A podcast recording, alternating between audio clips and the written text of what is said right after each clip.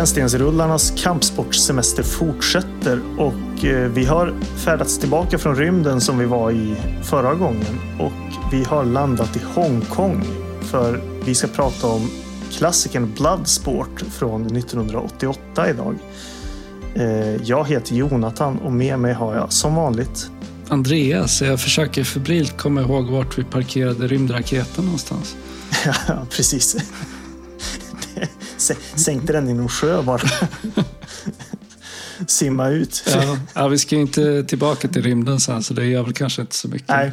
Tappat bort den. Nej, precis. Jag tror att vi, vi kommer att hålla oss inom den här delen av världen ett tag. Mm. Men, men Hongkong som sagt. Bloodsport. Det kan ju vara någon som tänker nu, vad fan Bloodsport? Det är ju en klassiker. Det är ju ingen rännstensrulle. Och Nej, det är det ju inte riktigt. Men, men det här är ju i allra högsta grad en rännstensrulle för mig. För, för att se så mycket actionfilm och grejer av den här typen så finns det ingen riktig logik i att jag aldrig hade sett Bloodsport tidigare, tycker jag. Liksom. Jag har alltid varit medveten om den här filmen men den har helt gått mig förbi i att jag aldrig har sett den helt enkelt förrän nu. Hur kommer det sig att du inte har sökt upp den tidigare? Jag vet inte riktigt hur det enda jag kan tänka är väl att, att eh, just kampsportsfilm aldrig har varit min liksom, eh, föredragna subgenre liksom, av actionfilm. Kanske därför just Bloodsport har, har gått mig förbi. Då. För du har väl sett den ett, ett antal gånger om jag förstod det rätt? Jag har sett den ett par gånger i alla fall. Och nej, det är, det är ingen film som, som vi vanligtvis skulle prata om i podden. Eh, det är ingen rännstensrulle som så, men jag tänker sig att när man har semester så måste man också ge sig själv lite ja, frihet att, att liksom även ta semester från, från eh, huvuduppdraget eh, och eh, bara göra det man känner för för stunden. Precis, och det är också ett... Det passar ju ganska bra i och med att vi just den här månaden då har haft lite mer specificerat på just turneringsfilmer så känns det ju också fullt rimligt att man avslutar med en så klassisk turneringsfilm som Bloodsport. Ja. Antalet loggningar på IMDB var 89 000 Mm. och betyget ligger på 6,8 av 10. Och antalet loggningar på Letterboxd var 67 000 och betyget 3,3 av 5. Mm. Och eh, om vi tittar på siffrorna på Rotten Tomatoes så var det 46, eh, det samlade betyget från kritiker är 46 procent och det samlade eh, publikbetyget är 74 procent.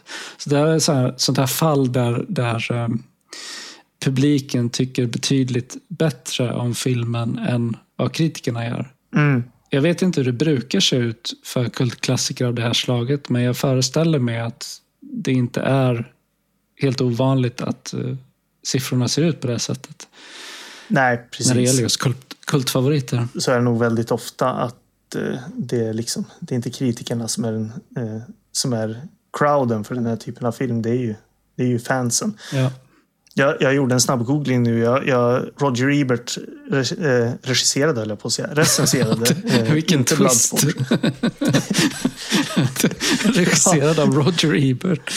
Ja, precis. Han, skrev, han eh, skrev ju film eh, innan han blev recensent. Jag tror att det är han som har skrivit Beyond the Valley of the Dolls bland annat. Så det, det, Jaha. det är väl... Eh, men ja, det, är speciellt om det visar sig att det var liksom Roger Ebert som spökregisserade Bloodsport. Jag kan ju dock se att, att han recenserade Cyborg från 89, gav den en stjärna. Så eh, vet inte riktigt om han skulle vara något, något stort fan av, eh, av eh, Bloodsport heller. Nej. Då kanske du undrar hur eh, eh, den här hör ihop med Arena som vi pratade om i förra avsnittet. Six degrees of motion picture separation.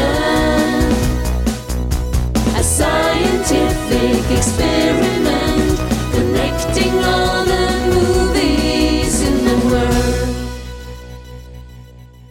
det finns ett ganska rakt samband mellan Arena och Bloodsport. Eh, för den kvinnliga huvudkaraktären i Arena är ju spelad av Claudia Christian som också, precis som jag nämnde i förra avsnittet, spelar en av rollerna i The Hidden från 87. Och The Hidden hade en re-recording mixer eh, som heter Greg P. Russell. en re-recording mixer helt enkelt den ljudtekniker som liksom balanserar alla olika volymnivåer, dialog, bakgrundsljud, eh, musik och ljudeffekter i, i filmens slutgiltiga ljudspår. Alltså det som är det ljudspåret som, som sen används i den färdiga filmen.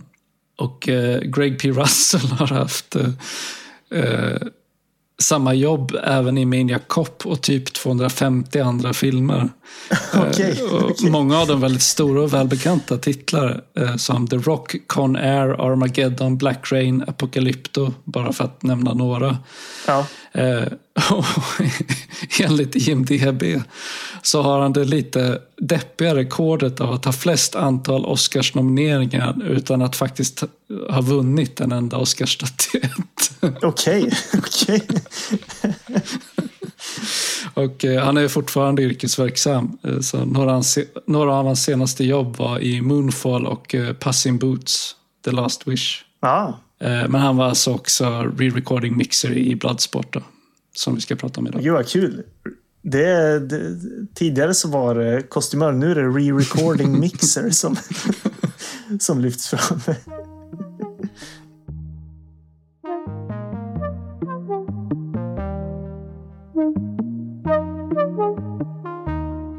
Men Bloodsport är ju då regisserad av Newt Arnold. Och han har inte regisserat mycket alls förutom den här filmen då, Bloodsport, filmen Hands of a Stranger från 1962 och Bloodthirst från 1972. Han är ju däremot assistant director och har varit det på ett helt gäng storfilmer. Eh, bland annat då Gudfadern 2, Blade Runner, Sorcerer, men också Alien Nation som vi ju faktiskt har pratat om i podden. Mm. Eh, men det är alltså assistant director som verkar vara hans huvudsakliga arbete och inte då regissör. Han eh, var även eh, assistant director eller regiassistent eh, i The Goonies. Där han också gör en cameo. Han är ju väldigt lätt att känna igen för att han har den här lappen för ögat. Han är med i Ja, den, den eh, väldigt kända duschscenen i The Goonies där eh, liksom duscharna dras in i kaklet för att barnen befinner sig under marken och börjar dra i rören och då åker liksom mm. duscharna in i kaklet och eh, han, han eh, är den eh, mannen i den här scenen då som står och duschar och, och sen liksom bara försvinner duschen för honom. Sen, det finns tre manusförfattare på den här filmen. Dels så har vi då eh, Sheldon Lettich. Vi har Mel Friedman och Christopher Crosby. Eh, det är egentligen bara så vitt jag kunde se Sheldon Lettich som har gjort något nämnvärt. De här andra två, Mel Friedman och Christopher Crosby, verkade ja, men inte ha skrivit mycket mer än just Bloodsport. Nej, Men Sheldon Lettich har ju både skrivit och regisserat eh, en hel del faktiskt. Han har ju skrivit Rambo 2 till exempel, eh, men också regisserat filmen Double Team med Jean-Claude Van Damme i två roller. Har du sett den?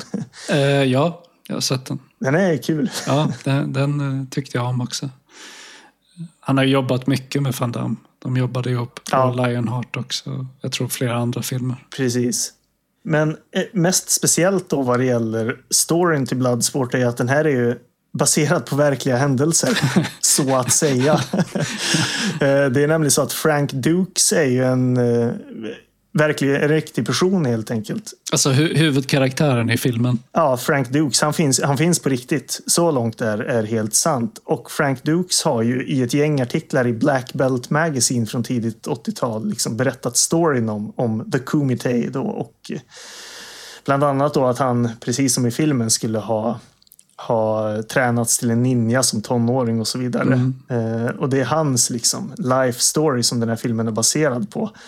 Eh, man kan ju säga att sanningshalten i det här har, har starkt ifrågasatts eh, från flera håll och bland annat av Sheldon Lettich som jag tror, om man minns rätt nu, sa att Nej, men det här är ren bullshit bara. Jo, nej men precis. För att han, det var ju han som eh, lärde känna Frank Dukes. Ja, Eh, och Frank Dukes drog de här rövarhistorierna för honom. Och Sheldon Lettich, här, oavsett om han liksom trodde att det var sant eller inte, tänkte direkt att shit, det här är, det här är ett kanonuppslag för en kampsportsfilm. ja, han verkar vara en riktig karaktär, Frank Dukes. Ja, verkligen. En, eh, en filur.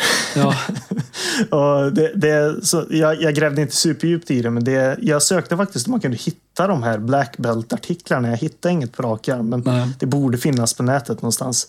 Men det är om inte annat intressant Wikipedia-läsning för, för de som är intresserade. verkligen. Han är, Frank Dukes är till och med eh, creditad som original writer för Bloodsport ser jag på Letterboxd.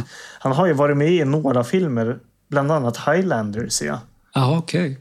Ja, han, han har eh, rollen Old Man in Car. Okej, han är statist med andra ord. Ja. Ja, precis.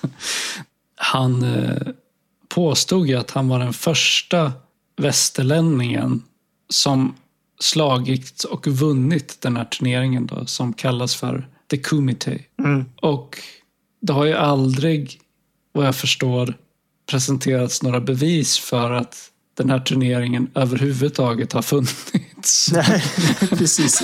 Så det var inte bara att han hittade på att han hade tävlat och vunnit i den, utan han har hittat på liksom turneringen eh, i sin helhet. Så inget är sant. Liksom. Det är väldigt roligt. Och framförallt Ja, att han då tydligen var så pass övertygande. Ja. Eh, att, att, vad jag förstår, en etablerad och väl ansedd kampspo- kampsportstidning eh, publicerade hans livsberättelse som om den vore sann. Precis, för det, det, det var ju även något om att han liksom att han hade haft att han menar på att han hade haft någon stor militär karriär men att CIA har liksom anledningen till att man inte kan hitta någon information om det är att CIA har velat städa undan spåren. Det känns ju som en snubbe som bara sitter och som du säger liksom drar rövarhistorier. att, att man uppenbart är så pass övertygande att man har lyckats få igenom det bara. Ja, men det är ju väldigt bekvämt liksom för en konspi- konspiratoriker att säga så här att ja, nej men, om någon kommer och ifrågasätter att ja, men varför kan vi inte hitta några bevis för att, att den här storyn stämmer? Alltså, ja, men det är såklart för att de har städat undan alla bevis. Det är- Ja, De vill inte att du precis, ska precis. veta det här. Liksom. Det i sig är ett bevis för att det är sant. Ja, precis. Avsaknaden på information bevisar att det jag säger är sant. Precis. Ja, det är speciellt alltså. Nej, men som sagt, mycket spännande läsning om Frank Duke. Så jag, jag, ska, jag ska i alla fall försöka se om jag kan hitta de här gamla artiklarna. Det vore spännande att, att läsa. för de som är intresserade så är det ju väl värt att, att eh, även lyssna på intervjuer med Sheldon Lettich när han pratar om Frank Dukes och liksom, eh, hur det här manuset blev till. Har du hittat någon, eh, någon vettiga som, som finns? Ja, ja, det finns bra intervjuer på, på Youtube. Sen finns det, eh, det finns en, en jättebra filmpodcast med två australiensiska killar. Som eh, podcasten heter Double Team. Eh, nej, förlåt, den heter Double, Double Impact. Heter den. Men de har bland annat intervjuat både Frank Dukes och Sheldon Lettich Jaha, i separata podcastavsnitt. Och det är så här, ja, det är värt att lyssna på. Det är en väldigt bra podcast överhuvudtaget. Ja, vad, spä, vad spännande. Det måste jag lyssna på. Double Impact som sagt. Ja, men annars så har vi då musiken är synnerligen väl värd att nämna. Det är Paul Herzog som står bakom den. Och för att vara så bra så har han gjort väldigt lite musik eh, till film. Eh, han har gjort till den här, till Kickboxer och en film som heter Breathing Fire från 1991 som jag är eh, väldigt sugen på att se. Eh, där bland annat Bolo Jung spelar då och numera Oscarsvinnande. Nu ska vi se om jag fixar hans namn. Är det Kehui Kwan tror jag att man uttalar det. Han som vann en Oscar för Everything Everywhere All At Once nu. Eh, han spelar i den. Den är från eh, 91 som sagt. Eh, men utöver det så är det inte mycket mer Paul Hertzog har gjort musik till. Jag tror att han hade åtta credits och som sagt för att vara så jävla bra så är det märkligt att han har gjort så lite. Han Ja. kanske har gjort musik på, eh, i annan form men Alltså, jag vill ju sträcka mig så långt som att säga att det är mångt och mycket musiken som gör den här filmen. Absolut. Inte helt och hållet, men till väldigt stor del alltså, så är det musiken som höjer filmen till någonting annat än bara en vanlig kampsportsrulle från 80-talet. Ja, definitivt. Jag tänkte på exakt samma sak. Att speciellt i början av filmen så har musiken liksom drömska kvaliteter som, som gör att det här känns som något helt annat egentligen. Eh, och tillsammans då med, som jag tänkte på, att, att klippningen ibland kunde kännas lite liksom slarvig och hastig. Gör att det tillsammans med musiken gör att, att den här filmen känns som något helt annat mot vad det egentligen är. Liksom. Mm. Sen så, så ska vi komma in på att det kommer lite, lite liksom, fighting och träningsmontage och sånt där. Så det, det, man ska inte tro att det är något annat än en 80-tals kampsportsfilm. Mm. Den här filmen är ju producerad av Canon. Och eh, vad jag förstår det så låg den väl på hyllan ett tag innan den faktiskt blev släppt. Därför att eh, Canon då, eller... ehm, Golan Globus. Ja, precis. Eh, det, det hette, var det Menachem Golan och Joram Globus hette de väl? Om jag, eh, det kan vara att jag blandar ihop eh, förnamnen där. Men, Men, ja, det var, men det var Menachem jag tänkte på att eh, Mm. inte tyckte om den. Liksom, de tyckte den Ja. var, var skit. Och jag tror att det fanns en, en tidigare klippt version av den här filmen som man tittade på så här, det här var ingen bra film. Och sen att eh, det kom in en ny person som klippte den tillsammans med Van Damme. Mm. Så att den slutgiltiga versionen var, var en helt annan klippning av den. Du såg ju den här Canon-dokumentären. Jag har sett den också, fast det var många, många år sedan. Eh, Jag vet inte om du, om du har någon, någon trivia därifrån just runt Bloodsport, om det är något som är värt att lyfta. Nu, nu blir det lite on the spot. Ja, ja, men jag pratar gärna om Canon. Jag tycker att det är ett otroligt intressant filmbolag. Liksom. Och de karaktärerna som är involverade i det är jävligt speciella människor. Alltså. Men det, det jag tänkte på när jag såg den här dokumentären, eh, Electric Boogaloo, var ju att eh, Bloodsport överhuvudtaget inte nämns i den. Ja, så kanske det är. Så, som sagt, det var så länge sedan jag såg den, så det, men det hade jag helt glömt bort. Jaha, vad, vad speciellt. Det, som, som jag minns det så skymtade Bloodsport bara förbi. Det var alltså någon så här enstaka bildruta från den filmen. Men den blev aldrig omnämnd eh, vid namn. Och Van Damme är inte nämnd i dokumentären heller. Då, då är det en gissning från min sida, men det känns då spontant som att Van Damme inte har velat vara med av någon anledning. Och att man Ja, har liksom kanske. krävt att inte... Det är rena gissningar från min sida, men det känns... Jag har svårt att tro att man inte skulle nämna honom i en dokumentär om Canon. Liksom. Eh, Så att man inte gör det känns ju som att det inte bara är att man har glömt bort.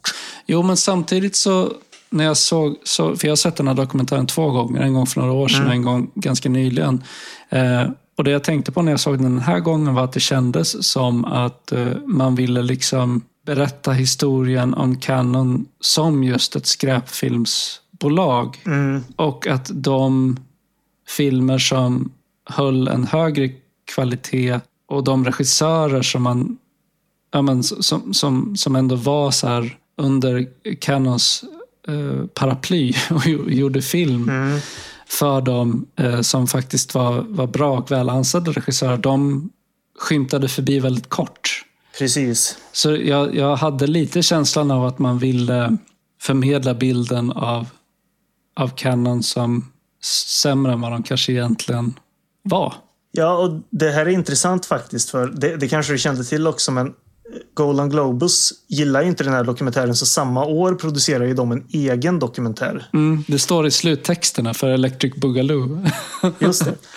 att de blev, de, blev ombe, de blev ombedda att delta i den här dokumentären och tackade nej till det och producerade istället en egen dokumentär som kom ut samma år.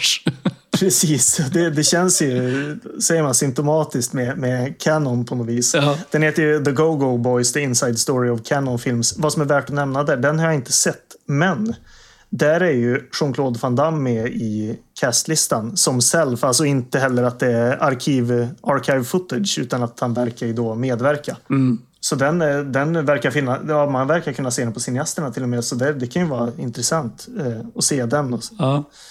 Det är också lite knepigt, att, för det är klart, alltså, man kan ju benämna Canon som ett skräpfilmsbolag i den mån att de producerade mycket film på kort tid som var rätt billiga. Och jag, jag tycker verkligen om det här. Eh, Jag tror att, att eh, Roger Corman gjorde samma drag, men att man åkte till Cannes med posters som såg coola ut Ja. och sålde in filmer på så sätt. Och sen spelar man in filmen när man hade sålt en poster. Ja, de spånat fram en massa idéer till, till poster som de kunde ta fram. Och, men det fanns liksom ingen film, det fanns inte ens en idé till en film. Det var bara så ett koncept.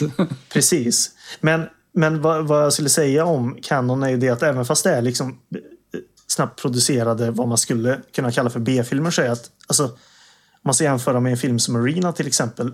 Alltså det är ju inte B-filmer. Jag menar om man tittar på Invasion USA till exempel. Det är ju, ser ut som en big budget actionfilm. Liksom. Så det är inga skitfilmer. Alltså filmerna ser ju inte billiga ut. Vissa kanske gör det. Jag är ju, jag är ju långt, långt ifrån att ha sett alla filmer som har producerats av Canon. Men av de här lite större filmerna så liksom det är ju snygga och bra actionfilmer. Liksom. Ja, Nej, men det, det är speciellt det där med, med Canon. Är ju ett, det är ett kul bolag liksom att läsa om och sådär. De har ju producerat Barfly till exempel. Den hade väl du sett Ja. med Mickey Rourke? mm. Och även som vi nämnde i förra avsnittet, Love Streams av John Cassavetes. Precis.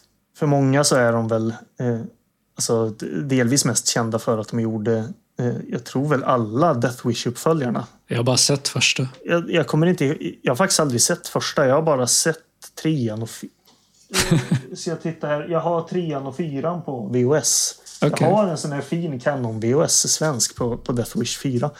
Jag tror, jag kommer inte ihåg, jag tror det är trean som är liksom eh, den roligaste av alla filmerna i och med att den, den är så eh, bombastisk. Liksom. Ja. Det blir så här eh, att, att Charles Bronson har någon sån här eh, ensam hemma-grej ute i, i slummen. Liksom.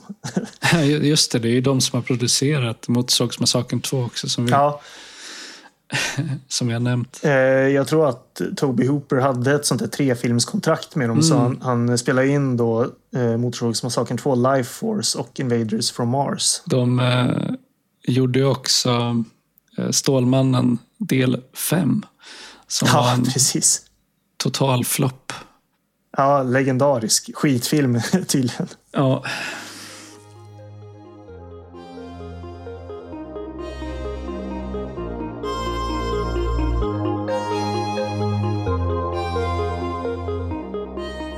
Ja, nej, men vi, ska vi gå vidare till eh, skådespelare då?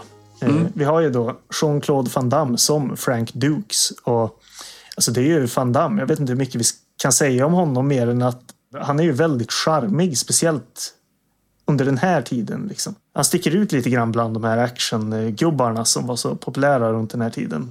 Alltså Arnold är också väldigt charmig, men det känns som att han tog sig an det först lite senare i karriären. Liksom. Stallone tycker jag, jag älskar ju Stallone, men han har ju aldrig haft den där... Hans liksom komiska och, och eh, charmiga sida är väl inte det som sticker ut mest. Om man inte tittar på de riktigt tidiga filmerna i hans karriär, då Stallones. Stallone är väl framförallt den i det här gänget som är en bra skådespelare på riktigt. Ja, precis. precis. För det kan man inte, alltså jag tycker också att Van Damme är charmig, men någon bra skådespelare skulle jag inte påstå Nej. att han är. nej, nej, det är han inte. Arnold är ju... Han, han, har ju, han har ju en komisk talang som, som Ja. ingen an, av de andra har. Som, som är bra på riktigt. Det är inte det att han är, han är rolig för han inte kan skådespela. Utan han är ju, jag, jag skulle säga att han är bra på riktigt i många av de här rollerna. Men, men om man ska se liksom rent skådespelarmässigt så är det ju Stallone som har den gåvan. Ja, men eh, Van Damme är absolut väldigt charmig. Men jag, jag funderade faktiskt på det, vad, vad det beror på att man gillar Van Damme och var i hans charm består. För han, jag tycker inte att han är en jättebra skådespelare. Han är inte kass heller, liksom, men Nej. han är, bara, han är ganska eh, styltig, i alla fall eh, tidigt i sin karriär. Eh, men av någon anledning så spelar det inte så stor roll. Man gillar honom ändå. Nej, alltså jag tycker lite att han känns som att han tar det hela med en klackspark på ett ganska charmigt sätt. Ja. Att det är så att ja, ja, jag är skitbra på kampsport, så kan det vara med i en film? Ja, det kan väl vara liksom. Och så, så det här var ju rätt kul. Man får den där, man får känslan av att även fast han inte är världens bästa skådis så har han rätt kul. Det, det är ju en ganska... Man hör honom berätta själv om hur han slog sig fram i karriären. Jag tror att han, han eh, eh, försökte i ganska många år att få roller och så vidare och lyckades inte. Och sen finns det ju den här väldigt kända historien om hur han eh, åkte förbi en bil utanför någon restaurang i Hollywood och fick syn på menagen, en av, en av ledarna för Canon Films. Och, eh, liksom sladdade, eh, br- bromsade bilen, hoppade ur och sen sprang jag fram till Menachem och gjorde en så här eh, hög, eh, hög kickspark mitt framför ansiktet på honom och gjorde en så här roundhouse kick. Ja. Bara centimeter från hans ansikte och eh, liksom sa att han ville ha ett jobb och Menachem sa ja, men vi skriver kontrakt imorgon. Och så, så var Ja. det klappat och klart och det var så han fick jobbet för Bloodsport. Ja, Eh, Men det hade ju föregåtts av eh, eh, hårt arbete för att försöka slå sig in eh, i Hollywood som skådespelare. Jag tror att han hade en dröm från väldigt tidigt om att han ville bli en stor stjärna. Liksom. precis. Han, en jättetidig roll. Han var väl med i filmen eh, Breaking 2. Alltså det Ja. fanns ju en, en, en, eh, vad heter det nu, Dans, eh, dansstilen. Breakdance-film.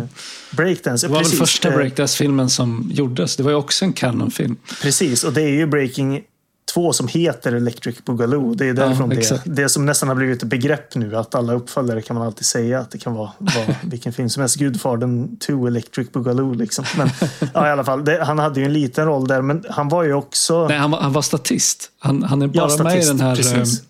eh, eh, se, de är ute och dansar vid, eh, vid havet.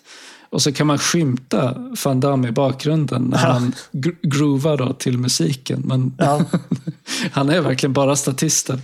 inte första gången han dansar på film. Det finns ju en, en legendarisk dansscen. Jag kommer inte ens ihåg vilken film det är. Men Jo, men det är, jag tror att det är Kickboxer. Ja, så kan det vara. Hans, hans exceptionella dansstil som, som har blivit en meme. Men eh, Van Damme var ju, jag vet inte hur långt gånget det var, men han skulle ju spela Predator i Predator. Ja, just det. I liksom en suit och det funkar ju inte så det, det var ju tur så skippar man ju det liksom. Men det, jag tror att det finns i alla fall bilder från inspelningen med Van Damme i kostym som, som rovdjuret. Är man inte den sortens eh, stjärna som kunde liksom ta roller som innebär att han ska maskera sig? Man måste ju se facet, liksom. du måste ju se kroppen. Vad är det annars för poäng? Precis. Men eh, vilka, vilka filmer har du sett som han är med i? Eh, Hard Target som sagt. Jag har sett Time Cop. Double... Nej, inte Double Team. Det är den med Dennis Rodman. Mm. Ja, Den har den, jag har inte sett, sett, den, men- den, har jag, den har jag sett. Den är kul. Nej, den har jag inte sett. Double Impact har jag sett och där, den är också kul. Ja, just det. Black Eagle är också en sån här tidig film. Den kom ju samma år som Bloodsport. Den är skittrist alltså. Den kan man skippa verkligen. Men sen såklart eh, Sudden Death. Ja. Det är ju en kanonfilm. Eh, har du sett den här eh, JCVD där han spelar sig Nej. själv? Nej. Jag minns att det var mycket prat om den när den kom, men, Mm. men jag har inte sett den. Nej, men ska vi gå vidare kanske till, eh, till Donald Gibb som spelar Jackson. Vad hette han? Ray Jackson. Eh, han var bara benämnd som Jackson på, på Letterboxd. Ja, jag tror att det är Ray Jackson. Eh, han har väl, verkar vara mest känd som Ogre i Revenge of the Nerds. En film som jag aldrig har sett. Eh, men annars hade han varit med i ganska spretigt gäng filmer. Och bland annat då Lost in America och US Marshals. Men det var inte jättemycket annat att vara med i. Han är också rätt kul. Ja, det är absolut. Han är ganska charmig i den här rollen.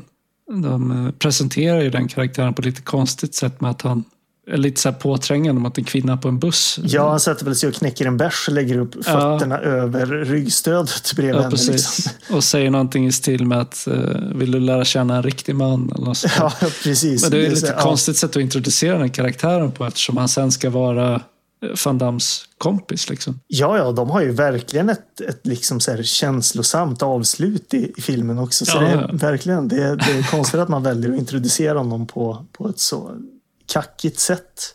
Jag, jag grubblade lite över, över varför man gör det på det Mm. sättet. Jag menar, det, du skulle ju kunna avfärda det som att bara, ja, ja, det var sånt man tyckte var kul på, på den tiden. Liksom. Jo, jo.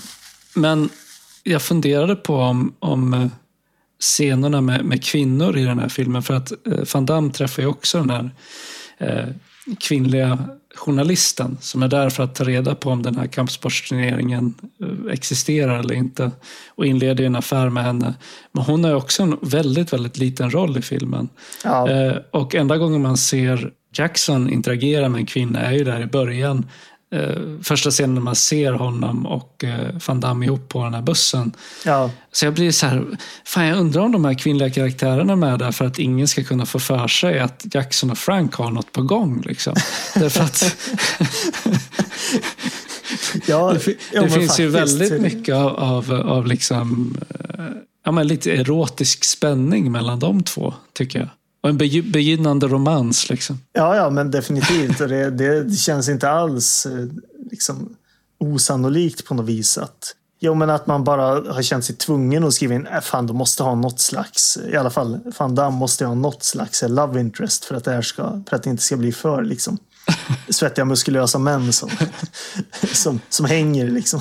Precis, men på ett sätt så är det lite synd. För jag, jag tycker att eh, allt sammantaget så tycker jag att Jacksons och, eh, och Frank Dukes relation är ganska fin i den här filmen. De har en fin Ja, liksom, kamratskap. Och, och jag tycker att man borde kanske ha fokuserat mer på det istället för att skriva in någon så här ganska slapp eh, kärlekshistoria som inte leder någonstans och som inte känns särskilt meningsfull eller trovärdig. Att verkligen säga, men fan om ni ska göra det här till ett vänskapsdrama, gör det. Ja, jag håller med. Jag såg på ganska många ställen här ekon från Rocky 4. Eh, Komplett med, med liksom Jacksons så här, vad ska man säga, naivitet inför, inför Chong Lis eh, liksom, eh, styrka. Det, det, jag kände på många ställen, framförallt i senare delen, att det, det var mycket som, som ekade från Rocky 4 och då bland annat då just det här Alltså, som, som jag sagt tidigare, jag brinner ju för Rocky-filmerna. R- Rocky och Apollo Creeds liksom, relation är ju, jag älskar ju det liksom. Men det finns ju något drag av det här också, att de har ju faktiskt en fin vänskapsrelation. Ja. Frank Dukes då och Jackson. Så det är ju synd att man inte bara eh, fokuserar helt på det. Men å andra sidan, så de här, de här andra liksom, kärleksintressena, de, de finns ju knappt där. Nej. De är ju med för sakens skull, märker man. Mm. Och då tycker jag så här att jag tycker, tycker alltid en berättelse blir bättre om man skippar sådana saker helt och låter den tiden istället upptas av de relationer eller de karaktärer i en berättelse som faktiskt spelar roll. Liksom. Precis. Då hade det i och för sig inte varit en enda kvinnlig karaktär i hela den här filmen. Och det kan man... Nej, precis. Det, då är det ju det då. Men, men å andra sidan så, blir man ju så här att Ja, det är klart att det är väl bra att de är med på något vis. Men samtidigt så är det så när det är så slappt så undrar man så vad, vad... Ja, nej, men jag, jag är ju av den åsikten att det är bättre att skippa det helt och hållet. Ja, ja, men precis. Eh, Det är bättre att inte ha några kärleksrelationer. Hellre det än att, att göra det på det här väldigt slappa, meningslösa sättet. Ja. Men vi nämnde ju Chong Li. Vi ser ju Bolo Jung då, som sagt, som Chong Li. Eh, Han har varit med i massor med film. Både i Hongkong och i USA. Det ska ju såklart nämnas då Enter the Dragon och Game of Death som var två tidiga eh, filmer som han var med i. Det finns även favoriter som, som eh, inom sin genre, klassikern The Boxers Omen eh, spelar han en roll i. Jag hade bara sett honom i filmen TC 2000 där han spelar mot Billy Blanks. en, eh, ännu en i raden av kampsportare som, som försökt sig på en, en filmkarriär. Vi, eh, var, en gång i tiden var vi faktiskt nära på att prata om just Billy Blanks i och med att vi skulle se filmen Back in Action. långt, långt bak. Aha, Jag tror det var inför avsnitt två. Men eh, vi kan väl säga så inför de kommande avsnitten under den här kampsportsommaren att det inte är helt omöjligt att vi faktiskt har pratat om Billy Blanks eh, eh, framöver. Men det var, det var bara i den filmen jag hade sett Bolo Jung, men han har varit med i jättemycket grejer. Ja, han har väl varit med i typ alla kampsportsfilmer som någonsin producerats. Ja, precis. Nej, men man känner igen honom väldigt väl. Ja, men, han, men jag, han har ju ett, ett så tydligt liksom skurkutseende på något vis. Han var, han var bodybuilder tydligen också. Det ser man ju verkligen. Han, han är ju swole på ett helt otroligt sätt. Liksom. Han ser ut som att man har pumpat upp honom med en pump. en stor luftballong. ja, Eh, precis. Eller som att han, han, han ser ut som en Michelin-gubbe. Typ. Han är Ja, verkligen precis. gigantiska. Eh, Precis. Det är i kombination med att han har lite utseendet av en jättebebis. Det är någonting med Ja. hans ansikte som gör att han ser ganska barnslig ut. Liksom. Ja, ja, verkligen. Eh, och det är Speciellt när han har de här segergesterna Ja, som han har för sig. När han säger kom igen liksom. Så ser, han, ser han lika intimidating som, som barnslig ut. Ja, så det i kombination med att han är så, alltså den här enorma kroppshyddan gör ju att han Ja. blir ännu mer skurklik. Han ser ut som Ja, en serietidningsfigur. Han ser inte verklig ut liksom. Nej, nej precis. Sen eh, ser vi Forrest Whitaker i en, i en roll som Rawlins. Eh, och det, samma som med Van Damme där, det är ju Forrest Whitaker helt enkelt. Det, det, men vad som är kul att nämna är att vi har ju även här en koppling till, till ett tidigare avsnitt i och med att Whitaker var med i The Hard Way i en biroll. Just det. Nu är vi tillbaka till rännstensrullarnas eh, begynnelse. Precis. Det var väl, var det till och med avsnitt ett? Jag tror att det var avsnitt ett. ja. Ja.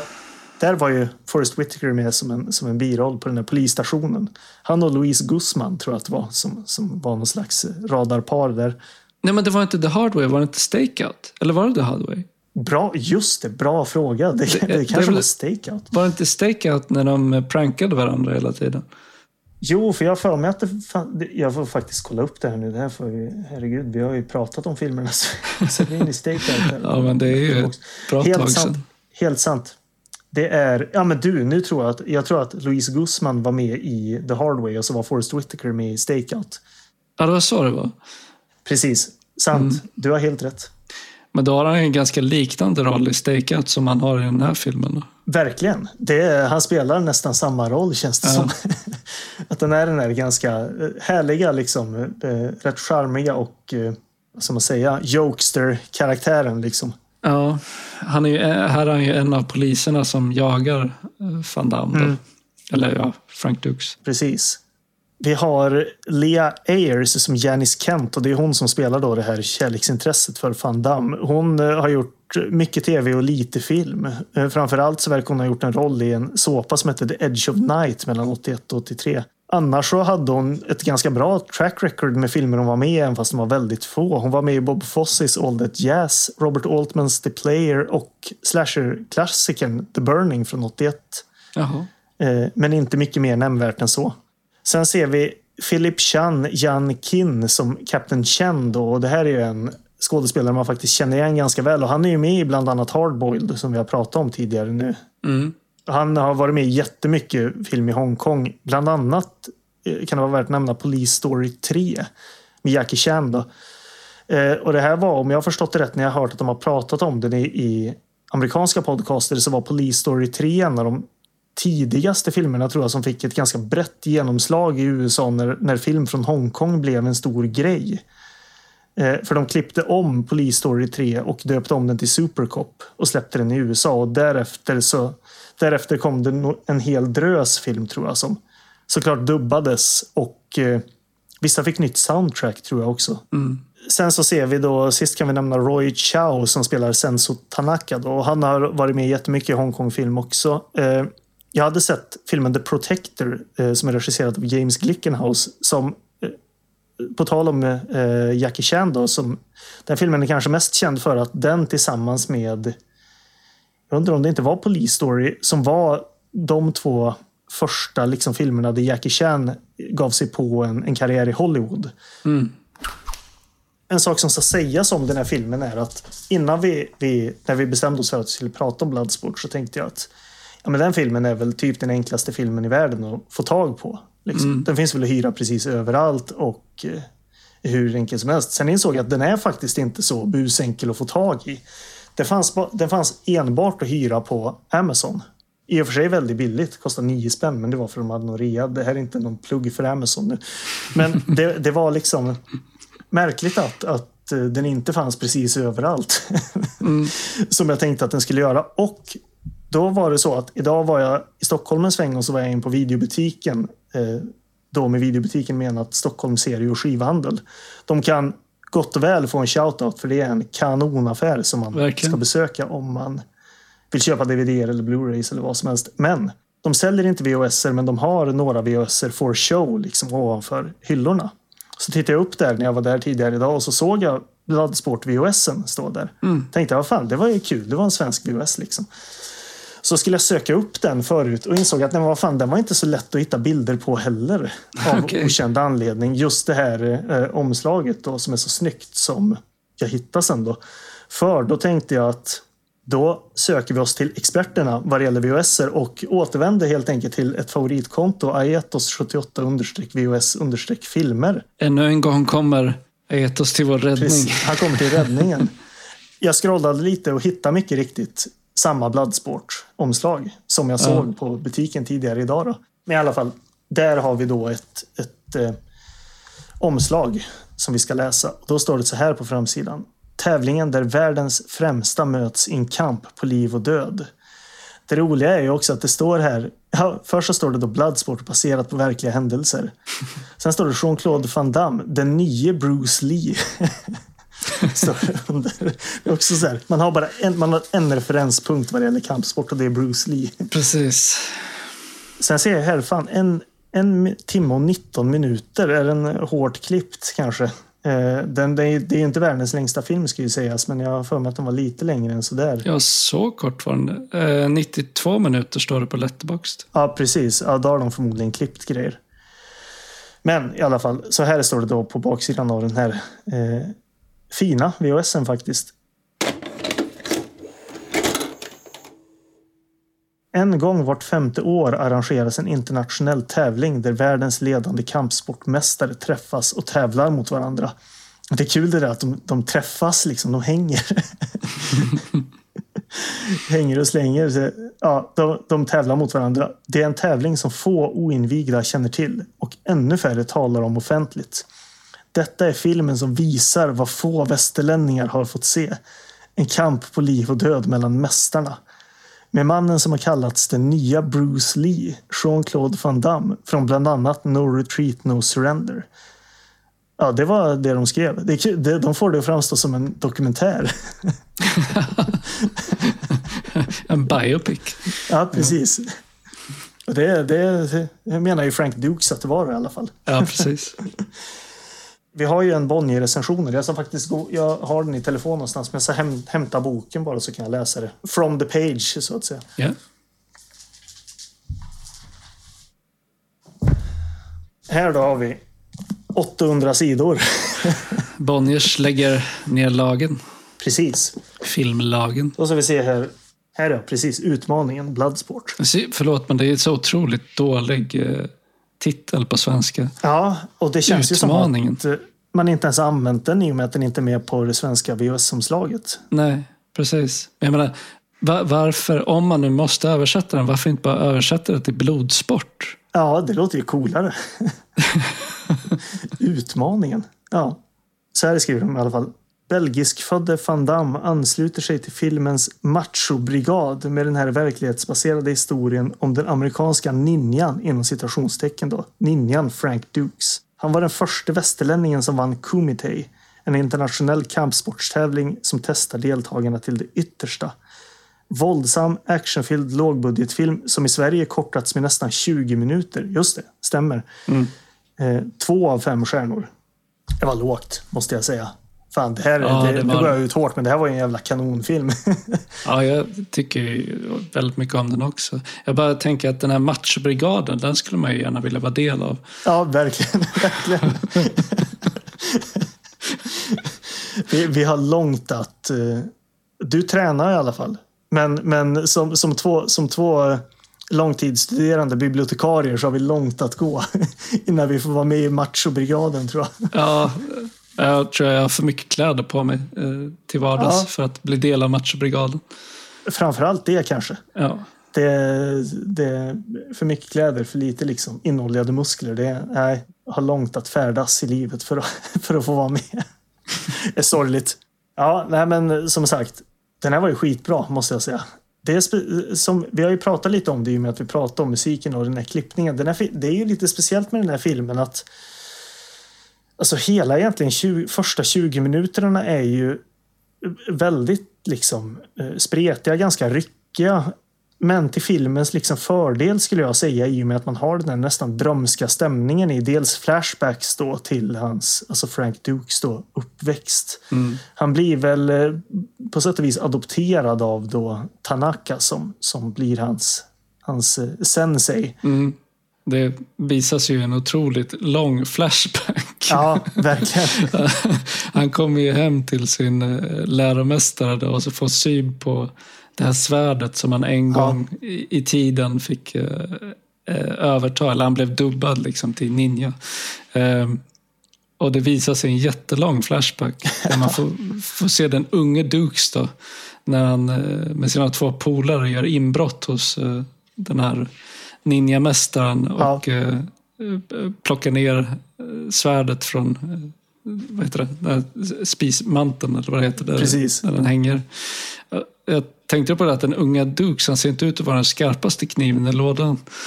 Nej, verkligen inte. Och det, han, det är lite synd om den där unga skådisen då, men han är ju inte kanon kan man säga. Ja. Tanaka eh, kom, ju, kom ju på honom på bar gärning då. Hans Mm. kompisar stuckit därifrån. Liksom. Men eh, eh, så, han kommer inte ringa till polisen och eh, den unge Frank Dukes säger på väldigt så här, eh, bruten engelska You- You're not gonna call the cops? Precis.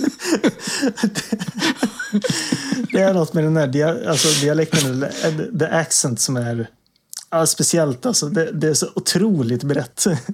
Ja, och det är så dubbat allting. Jag menar, alltså, dialogen i filmen är ju, det är ju pålagt såklart. Men det blir extra fult när det, när det också är med den här jäkla fejkade accenten. Ja, det, alltså, man har svårt att veta, är, är den bara väldigt liksom tjock eller är det någon som försöker härma? Nej, det kan ju vara så att det är en riktig accent, men jag föreställde mig att det, det var någon som liksom försökte fejka en. Ja, precis. Accent. precis.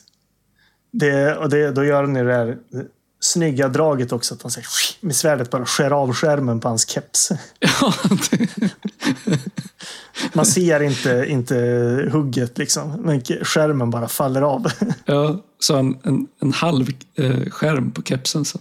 Ja, precis. Men, eh, och sen är det väl ganska snabbt klippt till, tro, tror jag, att eh, Tanaka och eh, Frank Duke sitter tillsammans med, med Dukes föräldrar och eh, eh, Tanaka försöker övertyga dem att de ska låta honom lära Dukes martial science.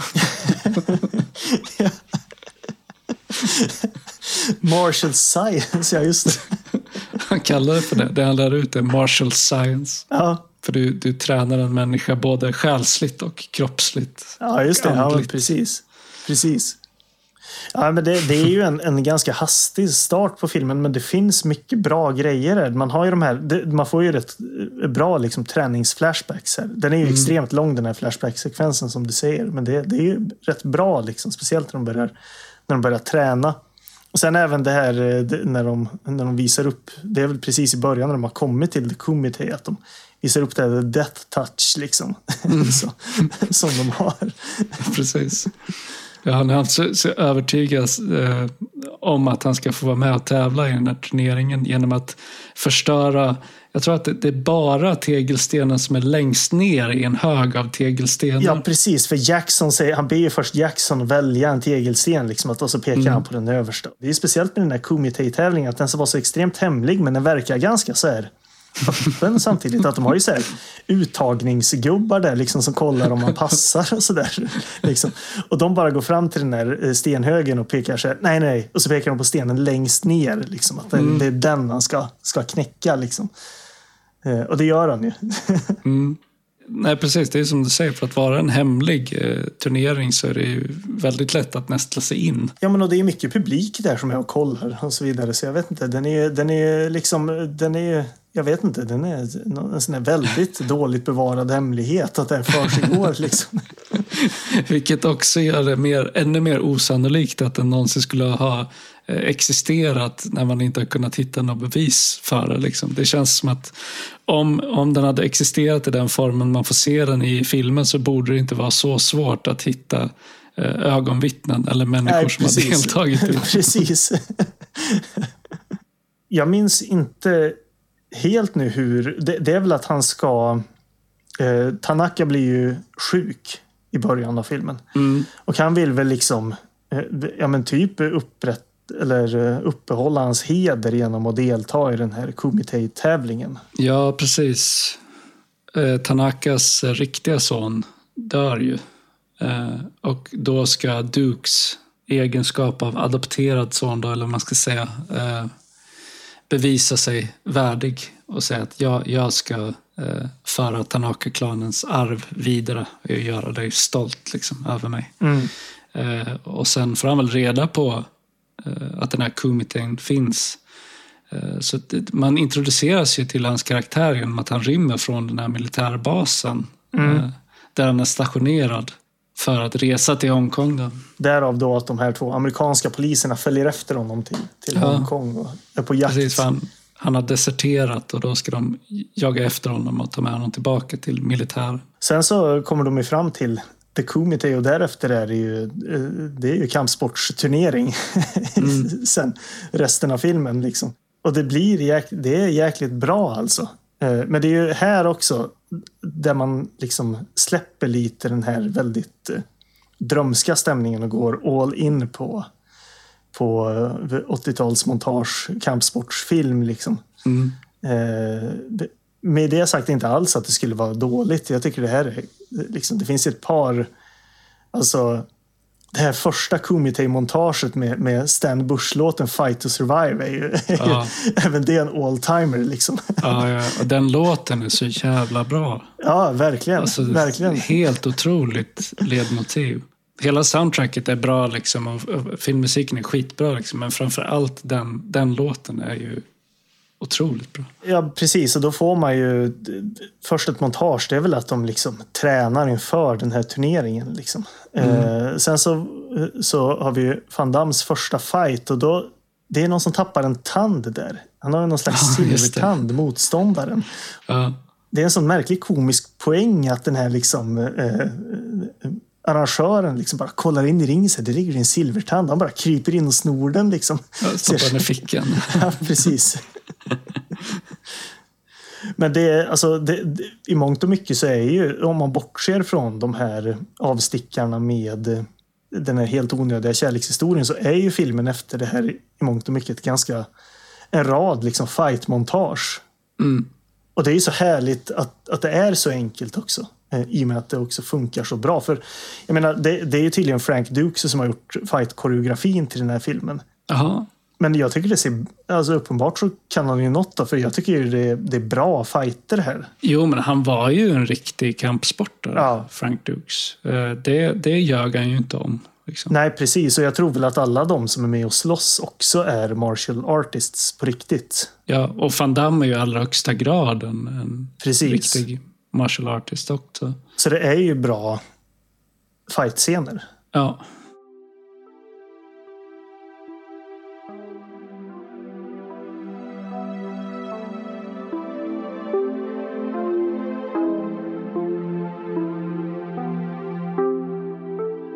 Det finns ju till montage sen när, när eh, de, de kommer Van Damme på spåren och jagar honom genom stan.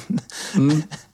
och Det, det är som ett avbrott i filmen på Ja. något sätt. Det, det bryter verkligen av från eh, stämningen som är i den övriga filmen. För där blir det nästan så här, lite slapstick-betonat nästan. För han kutar omkring och eh, liksom, eh, tar någon genväg som och så dyker han upp på andra sidan en gata och liksom vinkar till dem och de fortsätter springa efter honom åt det hållet. Och då klättrar han upp för någon stege och men kommer bakom dem igen. Liksom. Han, han springer inte faktiskt ifrån dem utan han bara retas med dem. Ja, ja han, han lunkar ju på medan de springer efter honom. Liksom. Det är, han Buster Keaton nu helt plötsligt? Han gör så här, liksom, att han står och kollar, så här, kollar på klockan liksom, när de är så långsamma och sen bara ler och springer iväg. Ja, liksom stä- ställer sig och hänger från en lyktstolpe och liksom rycker lite så här nonchalant på axlarna åt dem. Ja, Ja, bara, tyvärr, nu måste jag dra, nu har inte jag tid med det här längre. Och så försvinner han. ja precis.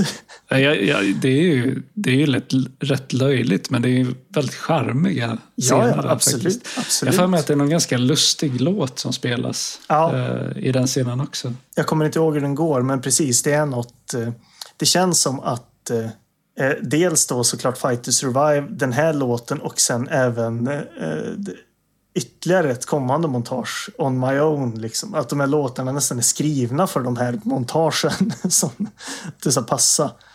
Eh, passa tematiskt och känslomässigt. Ja.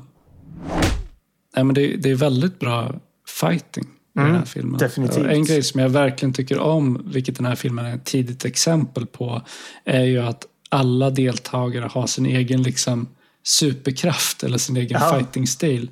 Vilket ju sen man kanske främst känner igen från just eh, tv och datorspelsvärlden. Alltså, Jag tänker eh, spel som Street Fighter, Mortal Kombat och så vidare bygger ju helt och hållet kring det. Att du har liksom fighters som har sin helt unika grej som Ja. bara de kan, liksom, eller gör. Att man ska lära sig kombona för de här specifika Precis. eh, fightarna. Som, ja, Och en del i eh, Frank Dukes eh, stil då är ju att han kopierar sin motståndares stil. Alltså han räknar ut hur de slåss och sen använder det emot dem. Liksom. Eh, och det som är ganska fint och bra tycker jag i den här filmen är att det görs på ett väldigt subtilt sätt. Så Det är aldrig liksom uttalat att det faktiskt är det han gör. Men om man tittar på hur han slåss under matcherna så ser man att han speglar motståndaren som han råkar ha framför sig för stunden. Så det finns en viss subtilitet där som, som, som man kanske inte skulle vänta sig av den här typen av, av eh, actionrökare. Mm, ja verkligen. Det finns ju eh, också problematiska bitar som är att den enda svarta fighten också är den som har liksom eh, ap-movesen. Ja, det där är- var, var väldigt märkligt alltså. Är det, där, är det en riktig fighting-stil eller är det något sån här helgalet försök att vara kul på något vis? Jag fattar inte riktigt. Det, det är not a good look för Bloodsport, definitivt. Nej. Alltså, det, det har, man kan inte ens säga att det har åldrats dåligt. Liksom. Det, det, det är bara illa. Liksom. Ja, ja det, jag tänker att det var illa, det är illa från början. Ja, precis. det, precis, precis. Det, är, nej, det är jätte, jättemärkligt. Framförallt för att det, och, och, och, liksom fighting-stilen i sig är, är också... Det är ju knappt en fighting-stil. Liksom. Nej, men det mest hoppa runt på alla fyra och rulla omkring i, i ringen. Och, Precis. Nej, nej, märkligt.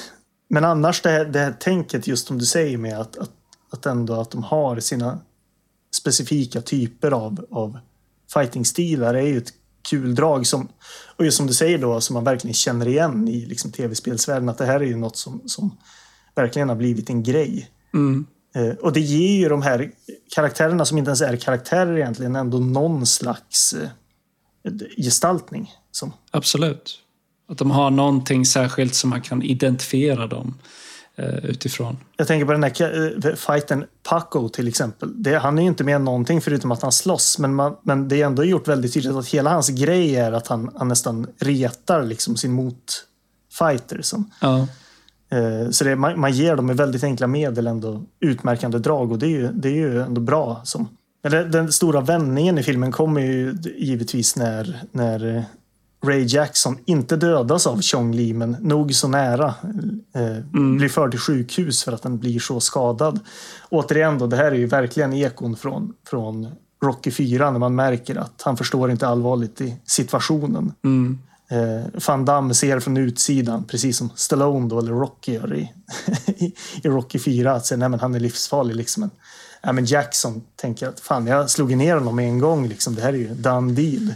Och efter det så blir ju hela...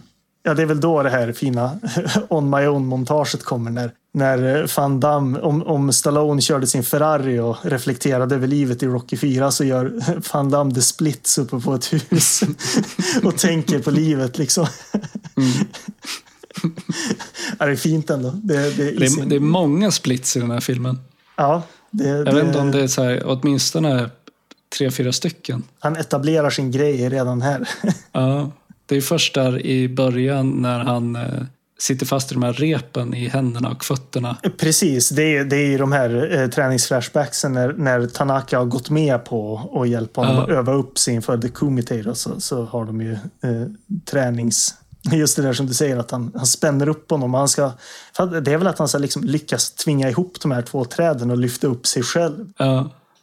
Eh, och har ett väldigt intensivt utbyte av blickar med Tanaka medan han långsamt pressar sig upp med insidan av sina lårmuskler. Precis. Men sen är det väl ett antal gånger också han gör den här, en, en hoppande split över en, en eh, motfighter. Som, eller att han hopp, någon sparkar mot honom och han gör en split i luften. Ja. Och sen är det ju också när han går ner i split och slår sin motståndare eh, på pungen. Ja, precis. det, var, det var också, det, just det, det är väl i den första fighten om jag minns rätt. Och just det kändes som en, som en sån här, fattar att det är gjort som en kul grej, men det var så här, jag vet inte om han skulle ha gjort, alltså att hans karaktär skulle ha gjort det egentligen. Han känns för sportslig för det på något vis. Jo, men det är ju bokstavligen ett slag under bältet. Liksom. Ja, jo, men precis. Eh, precis. Men, men det är också, jag tycker att det är så roligt i den scenen just för att han spelade som att han nästan är ångerfull i stunden. Alltså man bara tittar på Han förstår vad han har Van. Van Dams ansiktsuttryck när han så slår med full kraft på motståndarens Han gjorde the death touch på Ja, precis. Man ser hans ansikte hur så här desperat och ångerfull han är. Det är nästan som att han börjar gråta själv av Ja, medlidande för sin motståndare. Så här. Men det var enda sättet för honom att avsluta den här Ja, matchen. ja, Liksom. han, är, han är ju trängd. Liksom. Jag inser nu när vi pratar om den scenen att det är exakt den rörelsen som Johnny Cage gör i Mortal Kombat också. Och Johnny Cage var ju en karaktär som, som var som en, en parodi på just uh, uh, Van Damme. Så det kommer väl säkert från Bloodsport, den, den uh, kombon. Säkert. Eh, ja, men alltså det, och efter det då när, när Jackson då har hamnat på sjukhus då är det ju en, en uppladdning inför den sista fighten med Chong Li. Eh, såklart som är, som är bra. Där finns det ju en, en liten en liten sån nitpicky grej med att när han blir förblindad, han, han kast, är det salt eller sand eller något han kastar i ögonen på Van Damme. Han fuskar ju på så sätt Chong Li. Han märker väl att han börjar förlora. Eh, och då blir man så här, fan är han, eh, är han så blind verkligen? Det, och jag menar, han, eh, där, Van Damme har ju ett par otroliga ansiktsuttryck i den här filmen. Bland Ja. annat då när han gör den här death touch på stenen. Men också här när han blir förblindad så, så har han ett uttryck och liksom ett, ett minspel och, och ett skådespel som är... Jag vet inte hur man ska beskriva det ens, men det är ju som att att han har blivit förblindad men han skådespelar som att hela hans familj har brunnit upp. liksom. Han skriker ju och eh, liksom halsen eh, spänd till en punkt att det ser ut som att huvudet ska explodera. Precis. Och sen allt det här spelas i slow motion. Och så ser man liksom i slow motion hur han går från det här, eh, det här eh, känslomässigt upprörda tillståndet Ja. till att bara inse vad det är han har lärt sig och Ja. återfinna liksom den inre friden och så samlar han sig och bara hittar så här, eh, hittar tillbaka till lugnet och styrkan igen. Precis. Otroligt eh, minspel han har. Verkligen. Helt otroligt. Ja, det, det, det, eh, you have to see it to believe it. Liksom. Ja, Nej, men det, Tanaka har ju, de har ju övat tidigt i filmen. Det är ju en callback snyggt i att han har ju övat på att servera te eh, blind. mm, Eh, som om man har förberett sig på att det, det är rätt vad det är så blir man förblindad i en fight. Och som du säger, han, han, i sitt lugn så hittar han tillbaka och eh, till sina andra sinnen och lyckas avsluta fighten. Eh, trots att han är blind. Men man får ju se ett antal eh, liksom, shots när man, man ser att han ändå ser konturer. Liksom. så, så, helt, så det blir så här, ja, jag vet inte. Men ja, det leder ju till en, till en otrolig scen liksom, när han blir förblindad. Så det, det är ju bra.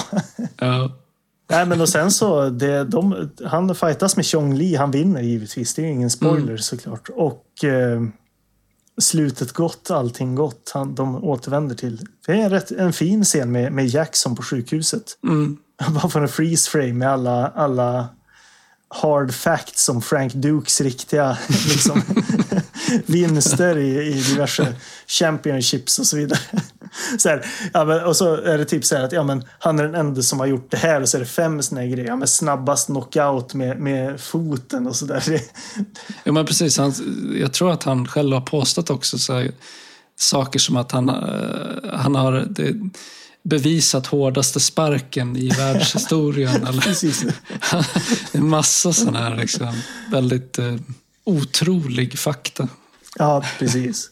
Ja, nej, men det, det är Bloodsport och det, det är klart det händer lite grejer däremellan. Det, man får, det är ju lite med den här kärlekshistorien. Han stöter på de här poliserna och de, de, hit, kommer ju fram till The Kumite. Då.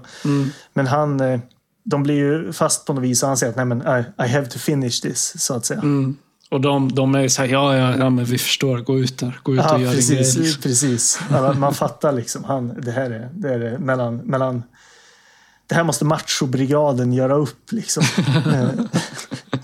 Eh, och sen, ja just det, de, de möts ju vid flyget där och de tänker sig nej fan han kommer inte, han kommer inte dyka upp. Och sen rätt vad det så står han där uppe på trappen och, och liksom, kom igen nu då. så, Vad så, väntar ja. ni på? Vad står ni där och segar för?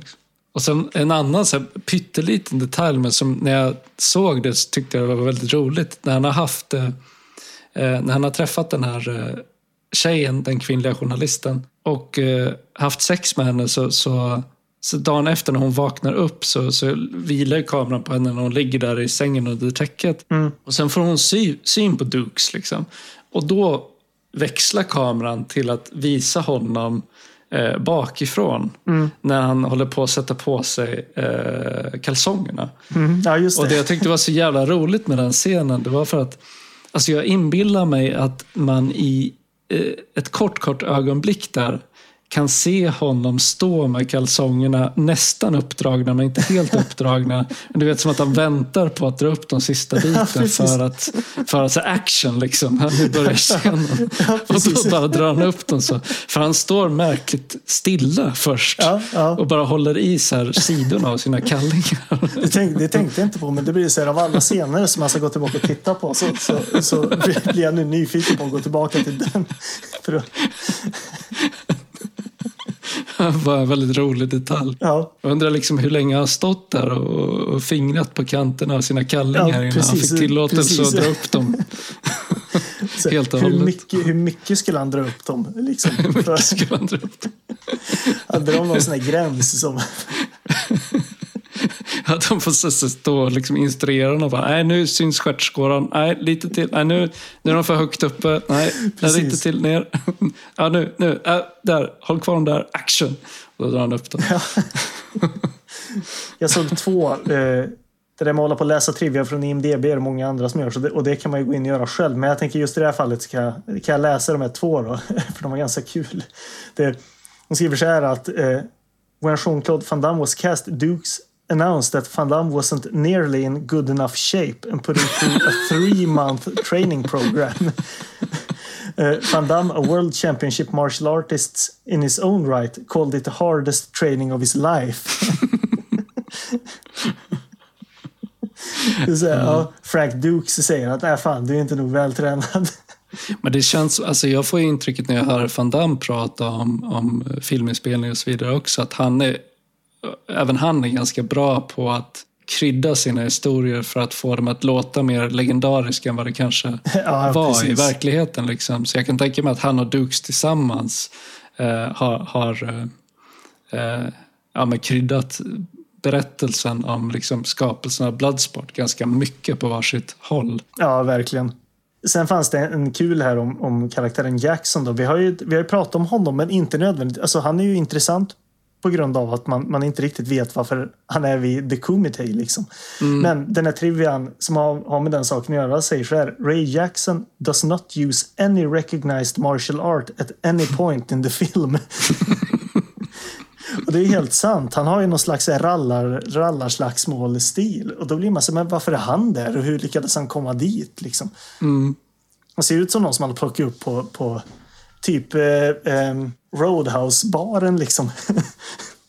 och kört honom till The Kumite. Ja, men det känns som att han ska representera bara ren råstyrka. Liksom. Ja, jo, precis. Storlek och råstyrka. Att han har inte mycket teknik utöver det. Han är bara ett berg. Precis, han är ju som Chong Li fast utan martial arts-träning. Ja. Och med ett gott hjärta. Pre- Helt sant, helt sant. Viktigt att poängtera.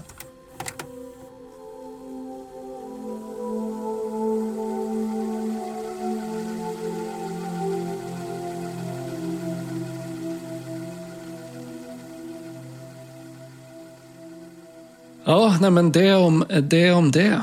Bloodsport behöver ju inte lyftas upp i någon rännsten, men, Nej. men om det finns fler som mig som inte har sett Bloodsport så, så kan jag nu ansluta mig till skaran som eh, ber folk att se Bloodsport. Kanonfilm. Ja, verkligen. Den är bra. Nu har jag, har jag koll på läget. Eh, vad ska vi prata om i nästa avsnitt? Vart beger vi oss? vi ska åka till eh, Bangkok i Thailand där vi ska prata om filmen King of the Kickboxers med eh, Billy Blanks bland annat som vi nämnde lite tidigare i det här avsnittet. En eh, till viss del turneringsfilm. Men den har mycket annat också. Det, det var ju någon, något konto på Instagram som rekommenderade den här filmen till oss. Det är vårt eh, favoritkonto som vi har omnämnt redan i det här avsnittet. Det var Etos den här Ja, gången precis. också. Han är, han är med. Liksom. Det var, det var Ja, han som la ut det, det här omslaget som är för jävla coolt. Liksom. Eh, då blev jag sugen på den direkt och eh, lo and behold, den var... Där kan jag ju skvallra lite om att vi snackar ju vi snackar B-film här, men, men på ett väldigt underhållande sätt, eh, tycker jag. Ve- Vet vi att det är Etos är en han? Ingen aning. Det, det är Nej. bara fördomarna eh, om eh, folk som samlar på VHS. Så, Ja. men det kan mycket väl vara en, vara en hon som är VHS-samlare. Det, det höll lite i dunkel. Om, om hen inte ger sig till känna mer än med sina fina omslag på Instagram. Ja, nej, men det blir kul. kul. Jag har Mm. sett fram emot att se den här filmen faktiskt ända sedan vi fick den rekommenderad. Finns på Youtube. Jag ska se om den, för den fanns i två varianter varav den ena var lite klippt. Men det lustiga är att när jag klickar igenom så verkar det bara vara liksom kärleksscenerna som var bortklippta och inget annat. Så det, det var så här, de som inte tycker om gegg har gjort en egen klippning av den. Liksom. Ja, nej men det, det blir den härnäst. Ja, det blir kul. Vi ses om två veckor då. Det gör vi. Ha det bra så länge. Ha det bra. Hej då.